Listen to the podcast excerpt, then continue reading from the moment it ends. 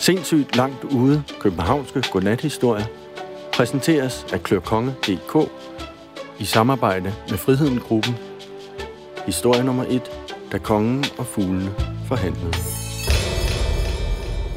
En skønne dag fortalte biskop Absalon dyrene, at de ikke længere var velkomne i København. For det, der engang havde været et lille fiskeleje, var efterhånden blevet til en ret stor by, og menneskene havde nu nok i sig selv. Det klædte ikke en stor by med skinnende brolagte gader og lækre lerklinede huse, åbne kloakker og andet moderne stads, at der rendte sådan nogle lidt primitive dyr rundt i den. Så biskop Absalon foreslog dyrene, at man fordelte sig lidt bedre, at man gav hinanden fred. Hvis dyrene således holdt sig fra byen, så skulle københavnerne nok holde sig fra landet. Om de var med på den? Det var de. Bagefter satte dyrene sig så for at forhandle med hinanden. Nye områder skulle fordeles. Et nyt kort over Københavns omegn skulle tegnes. Mødet foregik på Dyrehavsbakken, hvor dyrene plejede at mødes, når de skulle snakke om tingene.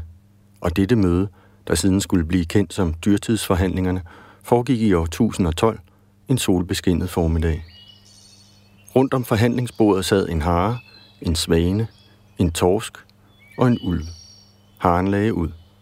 Vi vil gerne have vestområdet, sagde den med bævende stemme. Hareskoven og det. Haren skilede nervøst til ulven og ville bare gerne have det forfærdelige møde overstået i en fart. Jamen, så vil vi gerne have syd, knurrede ulven og sendte haren et gult blik. Der er så naturskøn nede ved hundien, og desuden, tilføjede den med et sulten slik om munden, er det så dejligt tæt på Vestegnen. Haren blev helt hvid i hovedet og var ved at besvime af skræk. Så undskyldte den sig ræset hen til musen og de andre knaver og sagde, at nu gik det altså vestpå, og det skal være lige nu. Så pilede hele flokken afsted. Rotterne var dog lidt træge i betrækket og surmulede en del. De holdt jo så meget af byen. Torsten forhandlede på fiskenes vegne. Den vejede over 20 kilo og skruede bissen på, for det havde den hørt, at man skulle, når man forhandlede. Den klaskede den ene finde vådt i forhandlingsbordet og smaskede. Vi forlanger området, der ligger øst for København. Svanen og ulven sendte hinanden et hurtigt blik. Mm, ja, hvad havde du ellers mm, forestillet dig, spurgte ulven. Det er jo ligesom der, havet ligger om. Det er det, jeg siger, sagde Torsken. Vi forlanger havet, og jeg vil gerne understrege, at jeg her taler på alle havdyrs vegne. Fint nok, mumlede ulven og svanen. Torsken nikkede tilfreds, og så skvulpede den mod havet i en fart, fordi den var ved at få åndenød, og fordi solen nev i dens fiskeskin. Svanen, der forhandlede på fuglenes vegne, kiggede sig omkring i dyrehaven. Der var både søer, træer og småbuske deroppe, og havet lå lige i nærheden. Måger, spurve, fiskehajer, uler, ender. Hele flokken kunne finde sig godt til rette i det område. Det er jo heldigt, sagde Svanen. Vi tager meget gerne området nord for København. Jamen, øhm, så er den jo klaret, sagde ulven og kiggede på svanen. Mm, så skal vi bare have noget mad. Svanen plirede nervøst med øjnene.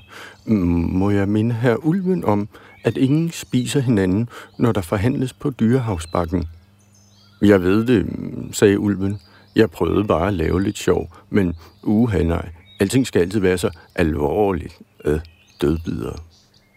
Så rejste ulven sig og førte hele sin flok sydpå. Sådan fordelte dyrene sig i det herrens år 1012, efter de var blevet smidt ud af København. Det meste af tiden foregik denne opdeling sådan set meget stille og roligt. Det skete dog, at der forvildede sig et par duer ind midt i København, for de holder altså mest af byen og især af byens pølsevogne. Men så sendte københavnerne en klage til fuglenes ledelse, de mægtige svaner, og så satte de duerne på plads. Det er herude, I hører til, væsede de. Hvis I generer menneskene for meget, så ender det jo bare med, at de kommer herop og generer os. Ja, ja, kurrede duerne lydigt, mens de drømte om fede krummer og ristede løg. Hvis københavnerne kom for meget nordpå, ikke mindst med madpakker og med råbende børn, så blev de prompte afstraffet af mågerne, der om natten sendte en storskidende patrulje ind over byen. Fuglene kunne jo ikke sende klager ligesom menneskene, fordi dyr i virkeligheden hverken kan tale eller skrive, og så bliver de nødt til at reagere sådan lidt primitivt. Sådan gik det i lang, lang tid. Ulvene trissede rundt nede sydpå og fødte unger og plejede deres pels, sådan som de har gjort i millioner af år. Fuglene snadrede efter andemad, hæv orme op af jorden og lagde æg, sådan som de har gjort i millioner af år. Fiskene svømmede rundt ud i Øresund, den ene dummere end den anden, sådan som de har gjort i millioner af år, og de små pattedyr tullede omkring ude vestpå og gnavede i ligegyldigheder og mimrede med følehornene, sådan som de har gjort i millioner af år. Og menneskene? Menneskene rendte rundt og slaskede med armene og prøvede at blive lidt rigere end naboen, ligesom de har gjort i hundredtusinder af år. Og sådan kunne det sikkert have fortsat i det uendelige. Men det gjorde det jo ikke. Et hvert barn ved, at duerne er rykket ind i byen, og at der spises mængder af madpakker i skovene nord for København, ja, der ligefrem bor mennesker deroppe, og at hele børnehaver i dag tager op i dyrehavene på bakken og larmer, som om de ejer stedet. Så der må jo være sket noget med aftalen mellem menneskene og dyrene på et tidspunkt. Og hvordan det gik til, det skal vi nu høre om. På et tidspunkt var københavnerne dødtrætte af at sove i kommodeskuffer og i garderobeskabe og af at vade rundt oven på hinanden i flere lag, så derfor lød kravet også en skønne dag. Vi vil have mere plads. Biskop Absalon var død på det tidspunkt, og der var i stedet kommet en konge i byen. Han hedkaldte sine rådgivere. Og sammen med dem slog han nu op i krakskortet for at se, hvordan byen egentlig så ud, og hvor man må kunne bygge til. Dengang fyldte krakskortet kun fire sider, så det var hurtigt at overskue sagerne. Rådgiverne pegede med forsigtige fingre i området syd og nord og vest for byen, hvor der var store hvide pletter, og kongen nikkede og sagde, jeps, så er det en aftale, og klaskede krakskortet sammen. Rådgiverne gik derefter til soldaterne og sagde, drag ud og pløk dyrene. Og soldater har jo bare at gøre, som der bliver sagt, så det gjorde de. De rullede kanonerne frem og spændte heste for dem. Så tog en deling sydpå og skød alle de ulve, de kunne komme i nærheden af. De tog vestpå og satte musse og rottefælder op, og en deling tog nordpå, og ja, de havde mindre succes, for de kom hjem og var helt overskidte og havde ikke fået has på særlig mange fugle. Kongen kiggede på de ulækre, overklædte soldater og sagde, hm, det går jo ikke det her. Vi må nok hellere forhandle med fuglene, i stedet for at prøve at udrydde dem. Og sådan gik det til, at kongen og hans rådgiver næste formiddag mødtes med fuglene. Chefforhandlerne var selvfølgelig svaner. Men der var også en enkelt gråsbog med for at repræsentere de små fugle, og en enkelt ule for at repræsentere rovfuglene. Fuglene vidste godt, at det ville blive svært at dæmme op for Københavns udvidelse. Trækfuglene havde fortalt et og andet fra deres ture rundt i verden. Overalt voksede menneskenes byer med stor hast. Og mennesker var altså svære at bide skære med, fortalte skistorken, der lige havde taget turen helt ned fra Sydafrika, og derfor med egne øjne havde set, hvordan landsbyer blev til store byer næsten over en nat. Så aftalen blev, at fuglene frivilligt overgav områderne nord for byen til kongen og københavnerne. Men så skulle de små fugle til gengæld også, pippede gråsbogen, have et stort område på Frederiksberg fyldt med buske og træer. Det var i orden, sagde kongen, noterede det på sit papir og oprettede således Solsortevej og Drosselvej og en masse andre veje til dem. Ja, sagde svanerne, og vi og inderne vil have lov til at snadre rundt inde i Sortedamsøen og de andre søer, lige så tosset vi gider.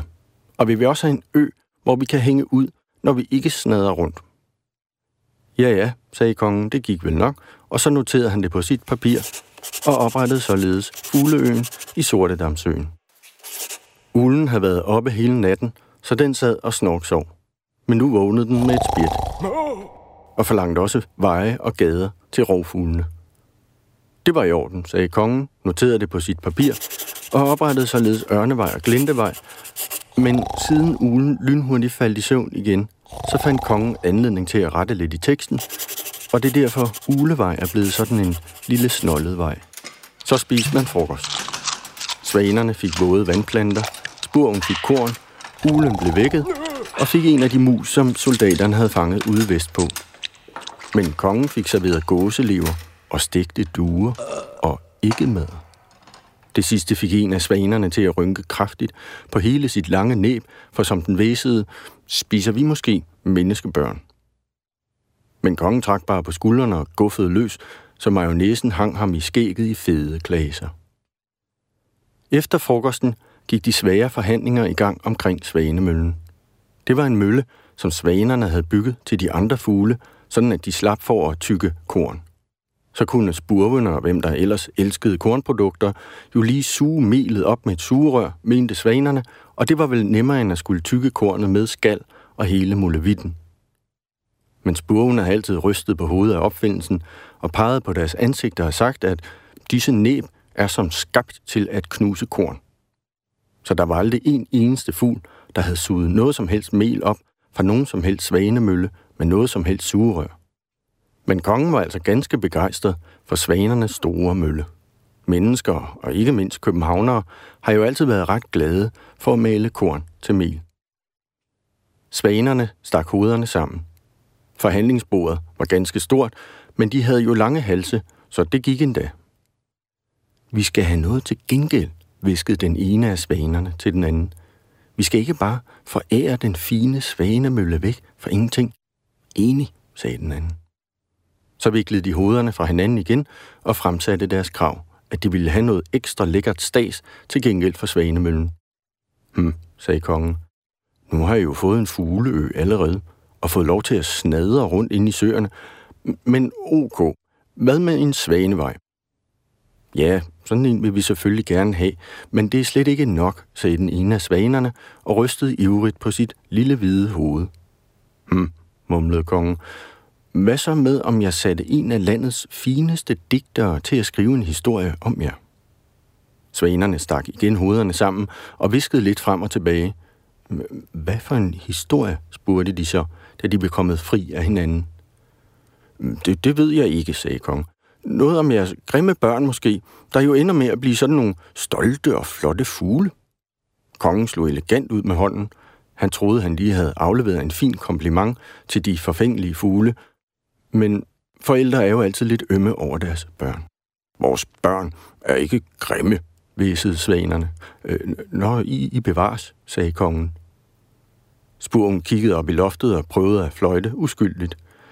Det var godt nok lidt svært, fordi hver fugl jo synger med sit næb, og nogen næb slet ikke er skabt til at fløjte i, så i stedet gav den sig til at pusle med sine fjer. Alle vidste, at svanerne havde de grimmeste unger i hele fugleverdenen, men det var første gang, at nogen havde tur at sige det til dem. Øh, godt, mine gode svaner, sagde kongen så. Hvad så med en, en fin titel? I kan blive øh, ridder af Dannebro eller sådan noget. Aha, sagde svanerne. Det lyder spændende. En af kongens rådgivere lænede sig ind til kongen og viskede ham noget i øret. Øh, nå, jeg vil ja, sagde kongen. Min rådgiver siger, at fugle ikke kan blive ridder af Dannebro, men at I kan blive nationalfugle i stedet. Der lød et sus fra svanerne. Det var lige før de lettede. Nej, jublede de. Det lyder spændende. Øh, hov, hvad med gråsbogene, pippede gråsbogen og pustede sig op, så den lignede en bold. Men ingen hørte den. Og så blev det vedtaget, at enhver svane herefter dags kunne kalde sig selv for Danmarks nationalfugl. Så vækkede man ugen, og alle fuglene takkede for et godt møde og vraltede og hoppede ud af det fine kongeslot. De fløj derefter nordpå og fortalte de andre, hvordan landet lå. Mågerne, svanerne, duerne og spurvene fik lov til at rykke helt ind i byen. Havnen, parkerne, søerne, villehaverne, alt sammen måtte de bruge. Men selvfølgelig kun i begrænset omfang, og skideriet skulle de i hvert fald holde igen med. Det var værre med rovfuglene. De havde ikke fået andet end et par veje opkaldt efter sig, og den uheldige ule blev nødt til at luske væk, mens ørnene, musvågerne, høne og alle de andre fugle, der var udstyret med krumme næb og skarpe klør, råbte skældsord efter den. Det pæneste af de ord, det var sovetryne. De andre ord, de råbte, er absolut ikke værd at nævne i en børnebog, end sige i en podcast for små poder. Sindssygt langt ude københavnske godnathistorier er skrevet og indtalt af Boris Bøj Johansen med lyd og teknik af Bossy Bo i samarbejde med Friheden Gruppen. Husk, at du nu kan købe Klok Kongebøger hos din boghandler. De er i hardback og er fyldt med funky tegninger.